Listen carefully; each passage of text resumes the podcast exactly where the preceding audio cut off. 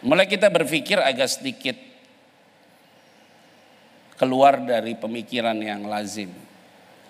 Kalau seandainya Yesus bangkit dari antara orang mati dan dia langsung naik ke surga tanpa menampakkan diri kepada para murid, cerita beda loh. Dan diberikan ruang 40 hari ada penampakan.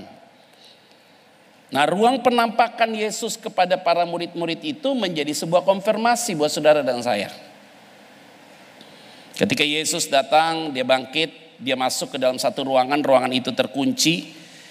Semua lagi dalam keadaan ketakutan karena takut dibunuh oleh orang orang Yahudi. Yesus masuk dan bilang damai sejahtera bagi kalian semua. Dia menunjukkan bekas lubang paku di tangannya dan bekas lubang di lambungnya. Dan mereka bicara itu Tuhan. Selesai sampai di situ. Yesus keluar dari pertemuan itu. Ternyata di dalam pertemuan itu tidak ada Thomas. Delapan hari kemudian Yesus balik lagi ke situ hanya untuk bertemu dengan Thomas. Karena Thomas pada saat itu bicara, aku sekali-kali tidak akan percaya kalau Yesus itu Tuhan kalau aku belum melihat lubang bekas paku dan lubang di lambungnya. Dan aku tidak akan pernah Percaya kalau tanganku tidak masuk ke dalam bekas lubang paku di tangannya. Itu berarti dia butuh bukti. Yesus 8 hari kemudian datang lagi ke ruangan yang sama. Di situ ternyata ada Thomas. Di dalam keraguan Thomas itu Yesus hadir. Yesus hadir langsung bicara sama Thomas to the point. Tidak lagi bicara kepada murid yang lain. Langsung kepada Thomas to the point. Ini penting nih. Jadi cara kita ikut Tuhan itu klarifikasinya begitu. Kalau ada orang yang kurang percaya, ngomong sama orang yang kurang percaya. Jangan ngomong di ruang publik yang lain. Karena bola bisa jadi liar. Kalau ada orang yang punya masalah dengan saudara, ngomong sama dia, jangan ngomong sama yang lain karena bola bisa jadi liar. Kalau ngomong sama dia, itu berarti hanya dia dan saudara yang harus menyelesaikan. Ini pelajaran rohani ini. Yesus datang bilang sama Thomas, Thomas, Mas. Dia manggil Thomas apa ya? Tom. Kok kebagusan Pak Albert kalau Tom sih. Ini lu bekas bekas lubang paku di tanganku. Ini lubang di lambungku. Taruh jarimu di tanganku. Kalimatnya bagus ya nanti baca di Alkitab. Taruh jarimu di tanganku dan taruh tanganmu di lambungku. Itu berarti di lambung Yesus itu lubangnya besar sekali. Nanti baca di Alkitab. Jarimu ditaruh di lubang paku tanganku ini, tapi tanganmu taruh di lambungku. Itu berarti lubangnya besar di lambung. Dan percayalah kamu. Thomas langsung bilang apa? Ya Tuhanku, ya Allahku. Kenapa Thomas ngomong gitu?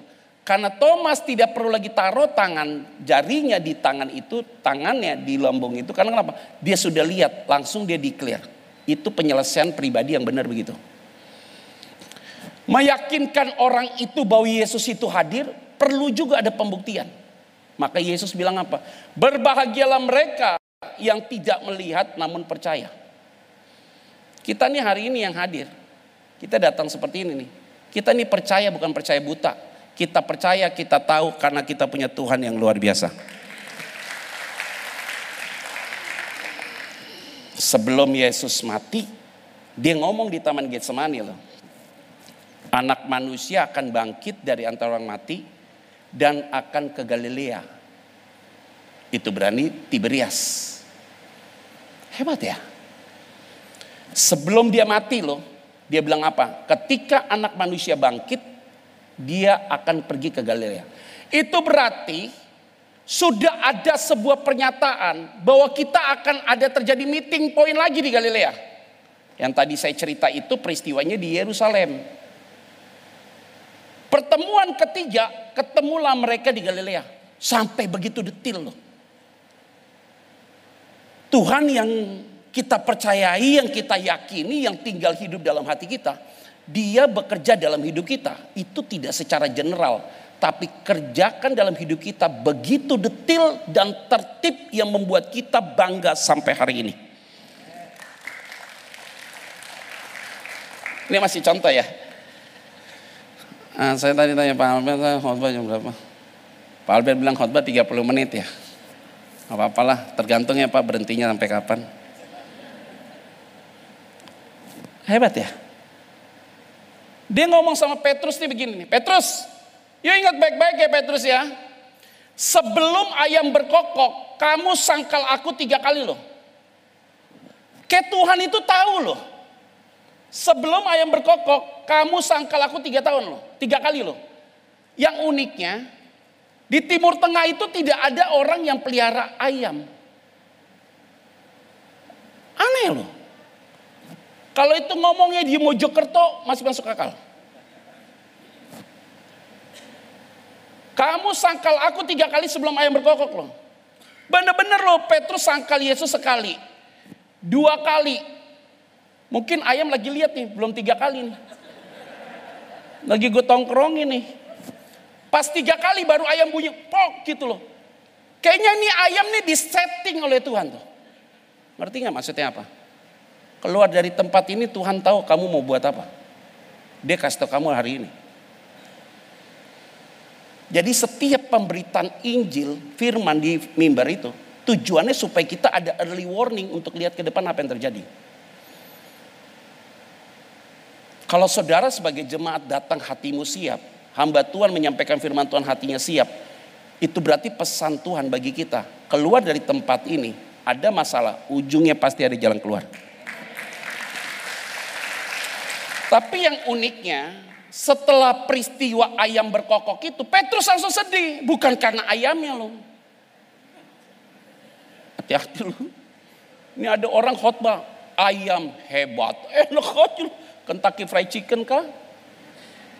Enggak. Itu ayam dipakai Tuhan. Iya. Tapi diingatkan Tuhan bahwa Petrus itu harus ngerti jadi Petrus itu bunyi ayam itu teringat dengan perkataan Yesus. Dan setelah peristiwa Petrus itu ayam itu sudah tidak ada lagi. Jadi ayam itu diciptakan hanya untuk Petrus.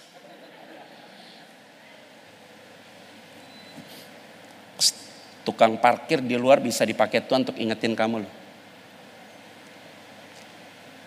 Orang jualan di pinggir jalan bisa dipakai Tuhan untuk ingetin kamu loh orang di sekitarmu bisa dipakai Tuhan ingetin kamu. Dan besok dia tidak dipakai Tuhan lagi. Bangku ini bisa dipakai Tuhan untuk ingatkan saudara. Artinya kalau engkau orang pilihan Tuhan, Tuhan akan cari kamu terus untuk engkau semakin hari semakin baik dalam Tuhan. Ada amin ya? Yuk kita buka sekarang. Yohanes 21 ayat 1 sampai dengan ayat yang ke-12 14 Yohanes 21 ayat 1 sampai 14 firman Tuhan katakan demikian kemudian Yesus menampakkan diri lagi kepada murid-muridnya di pantai Danau Tiberias dan ia menampakkan diri sebagai berikut. Ini artinya pertemuan yang ketiga. Ayat 2 di pantai itu berkumpul Simon Petrus, Thomas, yang disebut Didimus, Nathanael dari Kana, yang di Galilea, kemungkinan besar Yohanes pasal 2 tentang perkawinan di Kana, jangan-jangan pengantinnya namanya Nathanael.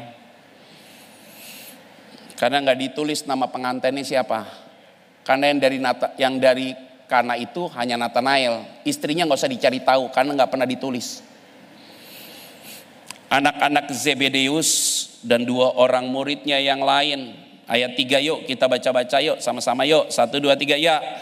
Kata Simon Petrus kepada mereka, aku pergi menangkap ikan. Kata mereka kepadanya, kami juga pergi juga dengan engkau. Mereka berangkat lalu naik ke perahu, tetapi malam itu mereka tidak menangkap apa? Mereka tidak menangkap apa? Petrus itu dulu penjala apa kerjanya? Penjala ikan. Udah ketemu Yesus dua kali. Eh dia lihat danau Tiberias. Iseng-iseng, ngerti nggak? Orang iseng tuh begitu. Kita udah punya masa lalu nih.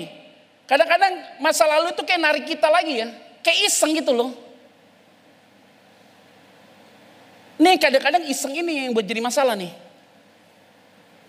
Dia lihat danau Tiberias, ada hasrat nih, kayaknya asik juga mancing gitu loh. Kita udah bertobat nih, semua udah bertobat. Orang saya lihat wajah-wajahnya ini sih masuk surga semua ini. Tapi sering sekali masa lalu narik-narik kita loh. Udahlah. Ini kadang ada masa lalu narik-narik kita nih. Sering ketarik kita masa lalu kita ketarik terus nih. Nah kadang-kadang kita mau coba iseng aja gitu. Nah Petrus ini iseng dia. Yuk kita, saya mau pergi yuk. Bentuk kata pergi itu bukan menjadi karir. Dia hanya iseng, dia mau masuk aja ke situ, mau mancing aja dia. Udah dia masuk situ, dia lempar jala, nggak dapat apa-apa. Kalau udah dipanggil Tuhan melayani Tuhan, kalau udah dipanggil Tuhan dalam bagian tertentu, jangan lari dari panggilan. Percuma juga, kembali ke masa lalu, hidupmu tidak akan pernah berhasil.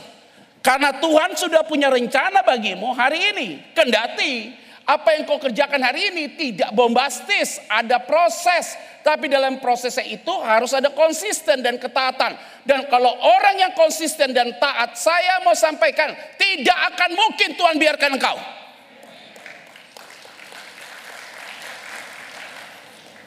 Udah dipanggil jadi hamba Tuhan, jangan lari lagi ke sini. Kayak kadang-kadang saya ketemu Pak Albert. Ada satu hamba Tuhan pelayanan di Cilacap. Selesai saya pelayanan dari Nusa Kambangan, khotbah di tempat dia. Jemaatnya mungkin hanya 20 orang. Waduh, Pak, yuk kok bisa terpanggil pelayanan di Cilacap? Itu jawaban dia apa?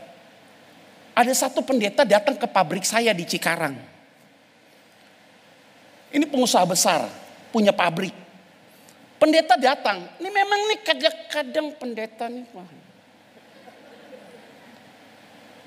Pendeta datang khotbah di tempat dia. Nggak tahu bagaimana ini pendeta ngomong apa, kesambet apa. Tiba-tiba ngomong begini, Tuhan bicara sama saya. Kan ngeri kalau udah begitu. Sekarang saya mau tanya, bagaimana sih cara Tuhan bicara sama kamu? Bagaimana kasih tahu saya? Lihat firman kan. Waktu kamu baca renungkan firman tuh bicara.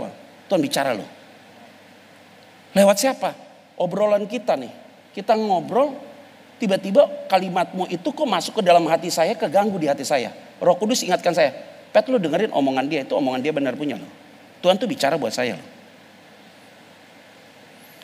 Ini pendeta bilang Tuhan bicara dalam hidup saya. Dan saya lihat Pak, Bapak ini cocok jadi pendeta. Jadi gara-gara omongan itu pendeta, itu Bapak jual pabrik ya. Semua dikasih pesangon, kasih ke orang. Itu pabrik-pabrik aktif, produktif, untungnya ada. Padahal itu pabrik, setiap pagi itu selalu ada doa. Jam 6 dimulai doa sampai jam 7. Jam 8 baru kerja. Itu hebat banget. Itu pabriknya lebih rohani dari gereja. Tiba-tiba ini pendeta ngomong apa? Bapak tinggalkan ini. Dia jual ke orang lain. Dia tinggalkan pelayanan di Cilacap jemaat cuma 20. Duit habis. Terus dia bilang sama saya bilang begini. Ini namanya pikul salib. You nggak boleh ngomong begitu.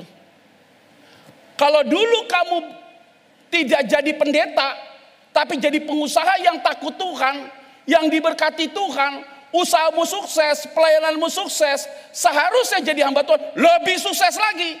Itu berarti ada masalah di sini. Hari ini saya mau sampaikan, setiap orang dipanggil sesuai dengan kapasitasnya.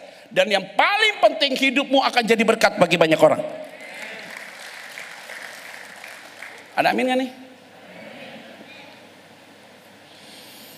Tuhan baik ya. Mancing Petrus loh.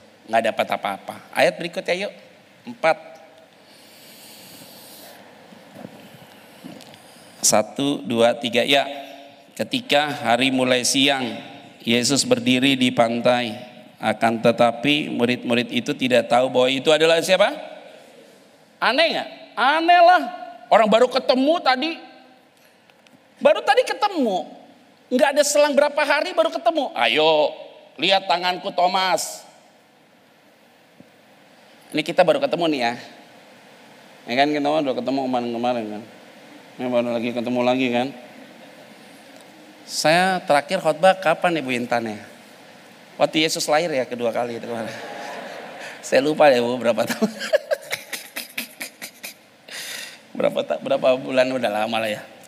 Tapi kan saudara masih hafal muka saya kan? Kalau saudara masih hafal muka saya, saudara lebih hebat daripada murid-murid Yesus.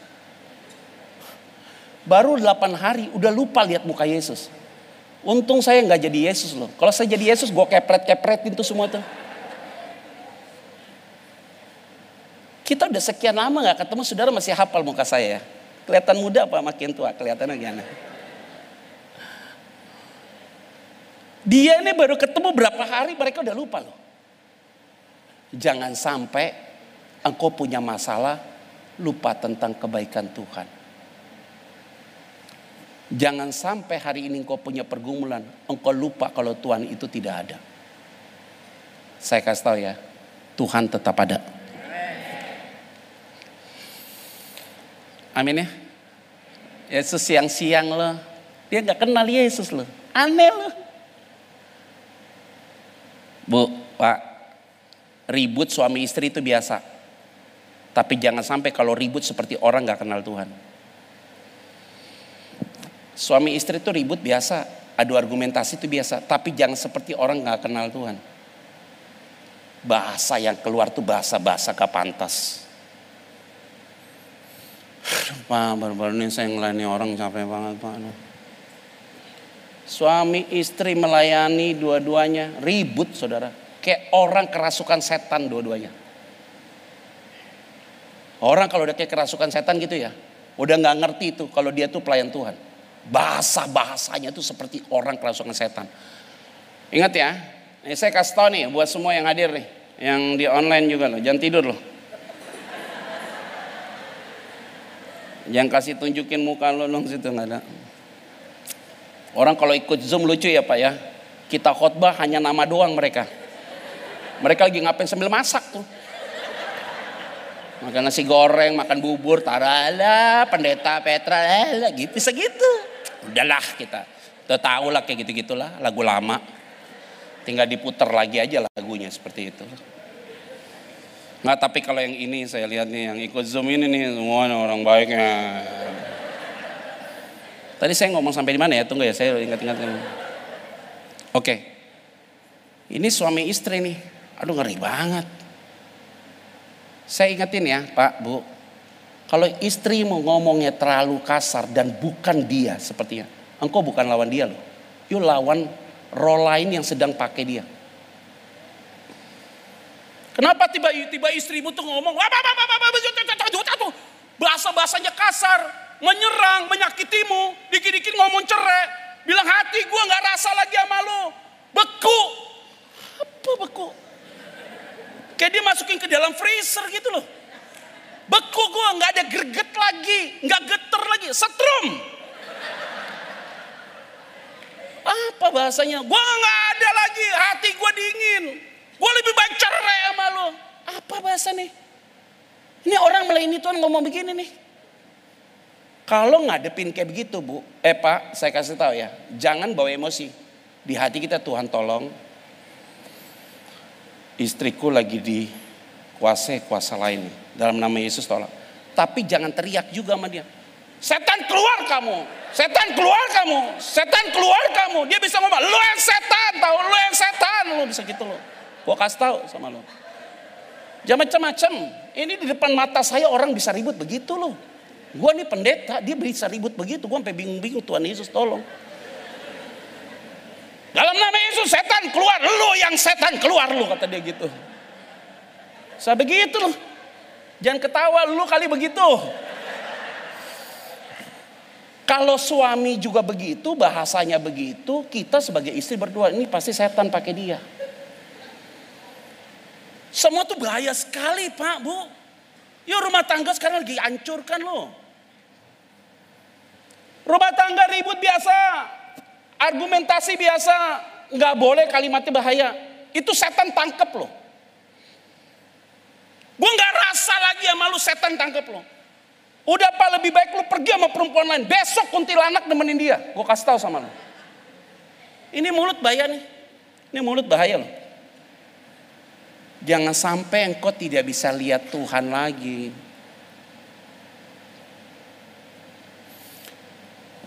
Saudara ada masalah, siapa pun ada masalah, jangan sampai engkau tidak bisa lihat Tuhan lagi. Kalau engkau tidak bisa lihat Tuhan lagi, itu berarti engkau sedang mengalami masa kritis dalam rohanimu. Itu berarti kamu stadiumnya udah stadium 5 10. Waspada loh. Itu berarti kamu udah gak bisa lihat Tuhan lagi. Bahaya. Ayat berikutnya. Ayat 6. 5, 6. Yuk kita baca ayat 5 dan 6. Kata Yesus kepada mereka, Hai anak-anak, adakah kamu mempunyai lauk pauk? Jawab mereka apa? Hebat ya Yesus ya. ya nangkap ikan lagi tuh si Petrus tuh. Pet. Petrus panggilnya Pet kan. Petra panggilnya apa? Pet juga. Saya kalau sama teman-teman saya dipanggil papet, papet. Hati-hati lu jadi copet lu gue lu gue kasih tau lu. Eh dia ngomong sama murid-muridnya. Hai anakku, keren ya. Ada kalau pauk unconditional love, mengasihi tanpa syarat. It's a perfect love. Waduh keren banget. Ada kalau pauk Bahasanya sejuk tuh. Mereka jawab lagi, nggak ada, nggak sopan loh. Tuhan tahu kamu sering tinggalkan dia. Tapi dia tetap servis kamu excellent. Dia tidak servis kamu biasa. Tapi yang terbaik dia berikan buat saudara. Ayo. Siapa yang gak pernah jatuh dalam dosa? Pernah kan? Tapi Tuhan tinggalkan kita enggak? Karena engkau jatuh tidak sampai tergeletak. Tangan kuat, tangan Tuhan kuat menopang kau. Alkitab bilang apa? Orang fasik jatuh tergeletak. Orang benar jatuh tujuh kali, dia akan bangkit tujuh kali. Ada yang ngomong nih, Pak saya baru empat kurang tiga. Jangan gitu loh.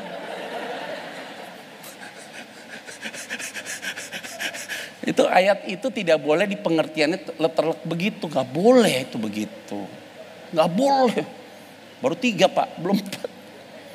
Itu bukan itu ayat itu pengertiannya. Pengertiannya begini. Tuhan itu tidak permalukan saudara. Tapi Tuhan datang untuk menolong dan membela saudara. Ada kalau pauk anakku? Jawabannya tidak ada. Ayat 6 yuk kita baca yuk. Kemarin-kemarin saya khotbah di sini nggak pakai kacamata pak ya. Sekarang udah pak, makanya udah tua nih gue berarti. Begini kabur semua tulisan. Ayat 6 kita baca yuk. 1, 2, 3 ya. Maka kata Yesus kepada mereka, tebarkanlah jalamu di sebelah kanan perahu, maka akan kamu peroleh. Lalu mereka menebarkannya dan mereka tidak dapat menariknya lagi karena apa? Tebarkan jalamu ke mana? Ini dapat inspirasi nih bagi yang mau melaut nih. Yang biasa mancing kayaknya kayaknya inspirasi nih. Mulai besok kita mancing lempar aja yuk kailnya ke kanan. Beda. Ini yang suruh Yesus nih. Lempar jaranya ke kanan. Dapat ikan.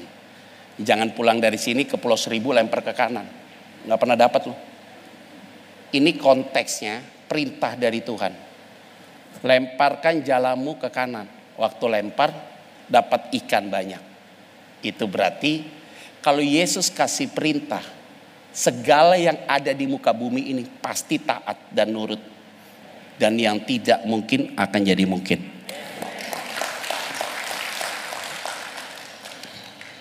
Ada amin kan nih? Wah hebat ya. Pak, bisa nggak Pak kalau Yesus bilang ke kiri? Kalau Yesus yang perintah gampang. Kalau Yesus bilang jalamu ke kiri, ikan ikut ke kiri. Jaramu lempar ke depan, ikan ikut ke depan. Kalau Yesus bilang, lempar jalamu ke atas, ikan terbang Dia yang suruh. Kenapa harus pusing loh? Orang dia yang suruh kok. Kalau lihat gereja kalian, seperti ini masuk ke dalam gang. Dulu mungkin Pak Albert punya gereja masuk ke dalam gang. Tempat ini mungkin ya ini bisa bangun gereja ya kayak begini ya. Dulu pertama kali saya datang kan juga begitu Pak. Underestimate. Gereja apa nih? GCC jantung. Tanya sama teman. Oh iya itu Pak Albert kebalanya Pak Pendeta. Oh iya udah oke okay, datanglah ke sana. Pas masuk ke gang, nih yakin ada gereja di sini. Pas masuk ke dalam, iya ada. Pas masuk ke dalam, iya ada. Jemaat juga datang. Ada orang jual pecel lele di jembatan 5 masuk ke dalam gang. Tapi yang parkir semua Mercy. Ada, kenapa harus begitu? Lu ada saham di situ? Huh, apa? Sering nakutin nih jemaat nih. Wuh, gitu loh. Jembatan 5 begitu. Bisa ngantri tuh BMW. Saya bingung juga gue pencoba lu mau makan sih. Rasanya sih biasa aja gitu loh. Tapi ya oke lah enaknya biasa lele lele lah nggak pernah lele rasa wagyu nggak pernah. Lele ya lele, mau diapain juga tetap lele. Mau diapain? Saudara kalau makan seafood mau enak apa pun tetap udang ya udang, kepiting ya kepiting, nggak ada yang rasa lain. Mungkin lada hitam ya oke enak. Eh ini udah gitu tetap aja cabit ya cabit-cabitan udah gitu aja. Ya pas makan kayak biasa aja enak ya. Saya bilang enak, wah enak ada yang bungkus-bungkus loh. Gue biasa aja gitu loh. Oh baru tahu saya. Tergantung. Orang Indo ini lucu, gilan rame-rame. Dulu zaman Jeko baru masuk Indo, semua orang ngantri di Jeko. Oh ini apaan rame banget ya. Lama-lama nggak ada tuh orang di situ, kayak nguap, kayak nguap.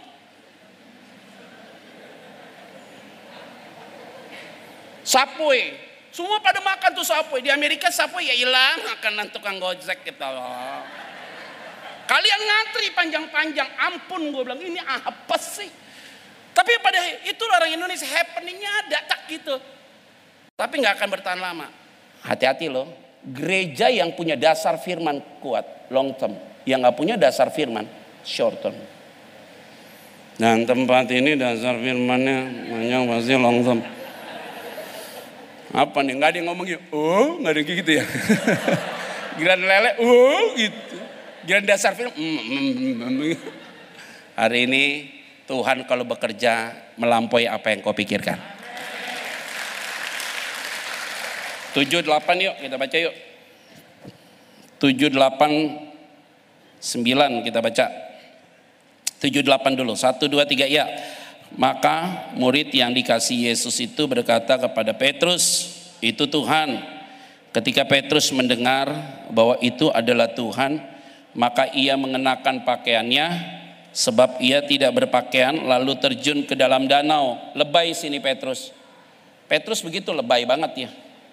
Biasa dia begitu. Waktu, Maria Magdalena datang ke kubur Yesus, didapati Yesus tidak ada, Maria Magdalena keluar ngomong sama Petrus, "Eh, Tuhan kita dicuri orang." Petrus lari paling depan, nyampainya paling belakang. Bisa begitu loh dia loh. Lari baca-baca Alkitab, baca Alkitab. Udah dia percaya aja, baca aja di Alkitab ntar. Yohanes pasal 20. Larinya paling cepat, nyampainya paling belakang. Bisa begitu nih orang hebat banget. Semangat di depan, ujungnya melempem juga loh.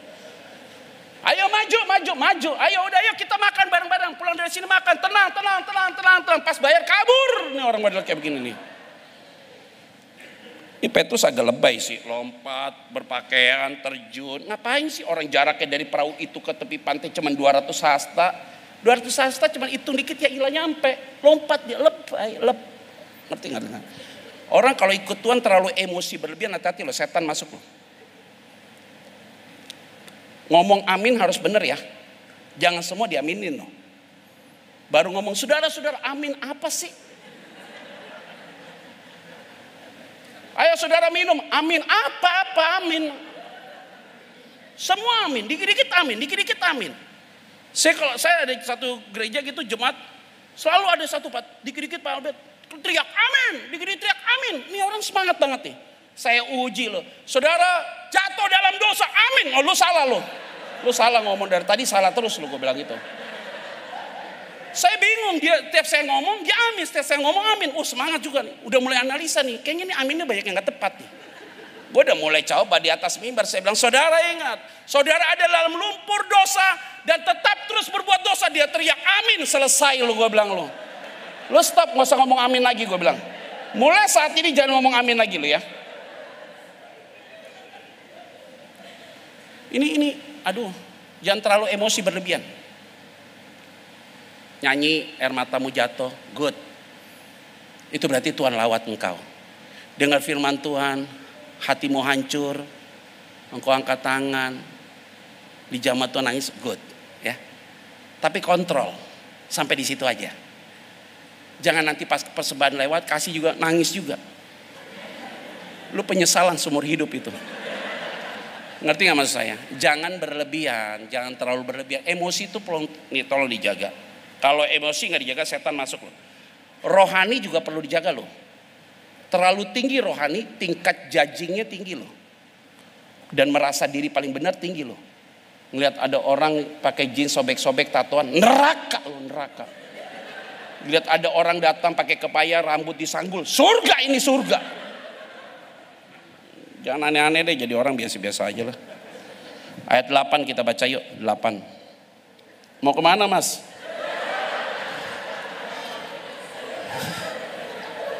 Mau siap-siap aja dong. Mau. Fandi, mau ke mana lu? Sini aja dulu. Ayat 8 yuk kita baca ayat 8. Nah, udah tuh hopeng gua tuh semua hopeng gua tuh. Dia ini sama Tuhan Yesus. Dia ada di mana-mana kayak Tuhan Yesus. Ayat 8 ini kita baca yuk. 1, 2, 3 ya. Murid-murid yang lain datang dengan perahu karena mereka tidak jauh dari darat. Hanya kira-kira 200 hasta saja. Dan mereka menghela jalannya yang penuh apa? Ayat 9 yuk. Masih lama waktunya. Yuk 1, 2, 3 ya. Ketika mereka tiba di darat. Mereka melihat api arang dan di atasnya ikan dan apa? Stop, stop, stop, stop. Mereka melaut supaya dapat apa? Dapat ikan nggak? Sekarang mereka ikannya udah sampai nggak? Yesus sudah siapin roti nggak? Sama ikan nggak? Aduh keren banget.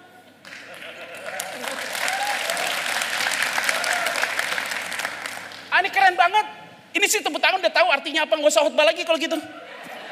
Ikan belum sampai, Yesus sudah siapkan ikan sama roti. Apa artinya? Yuk capek-capek cari berkat di luar. Taat aja sama dia, kerjakan bagianmu. Tuhan siapkan engkau lebih dari apa yang kau pikirkan. Sekarang tepuk tangan pak. Kalau lele, uh gitu.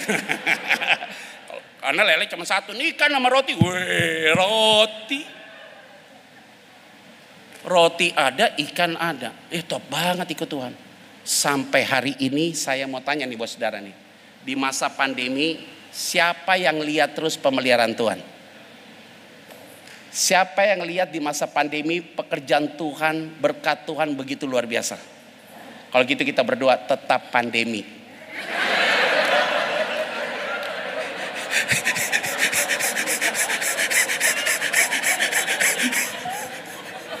Karena pemeliharaan Tuhan selalu ada Pak. Tuhan bilang nih kayaknya JCC Cijantung hebat nih. Pandemi dia tetap pelihara Tuhan. Khusus Cijantung pandemi terus.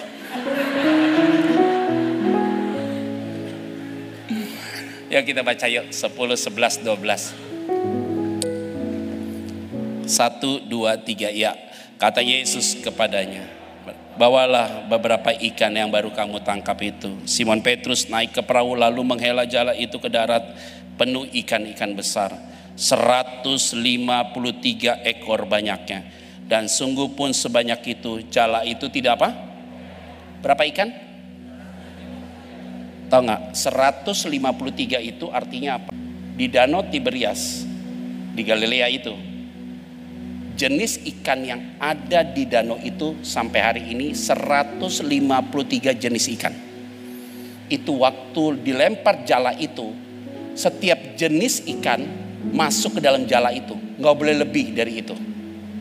Itu tidak mungkin bisa terjadi kalau bukan Tuhan yang mengerjakan.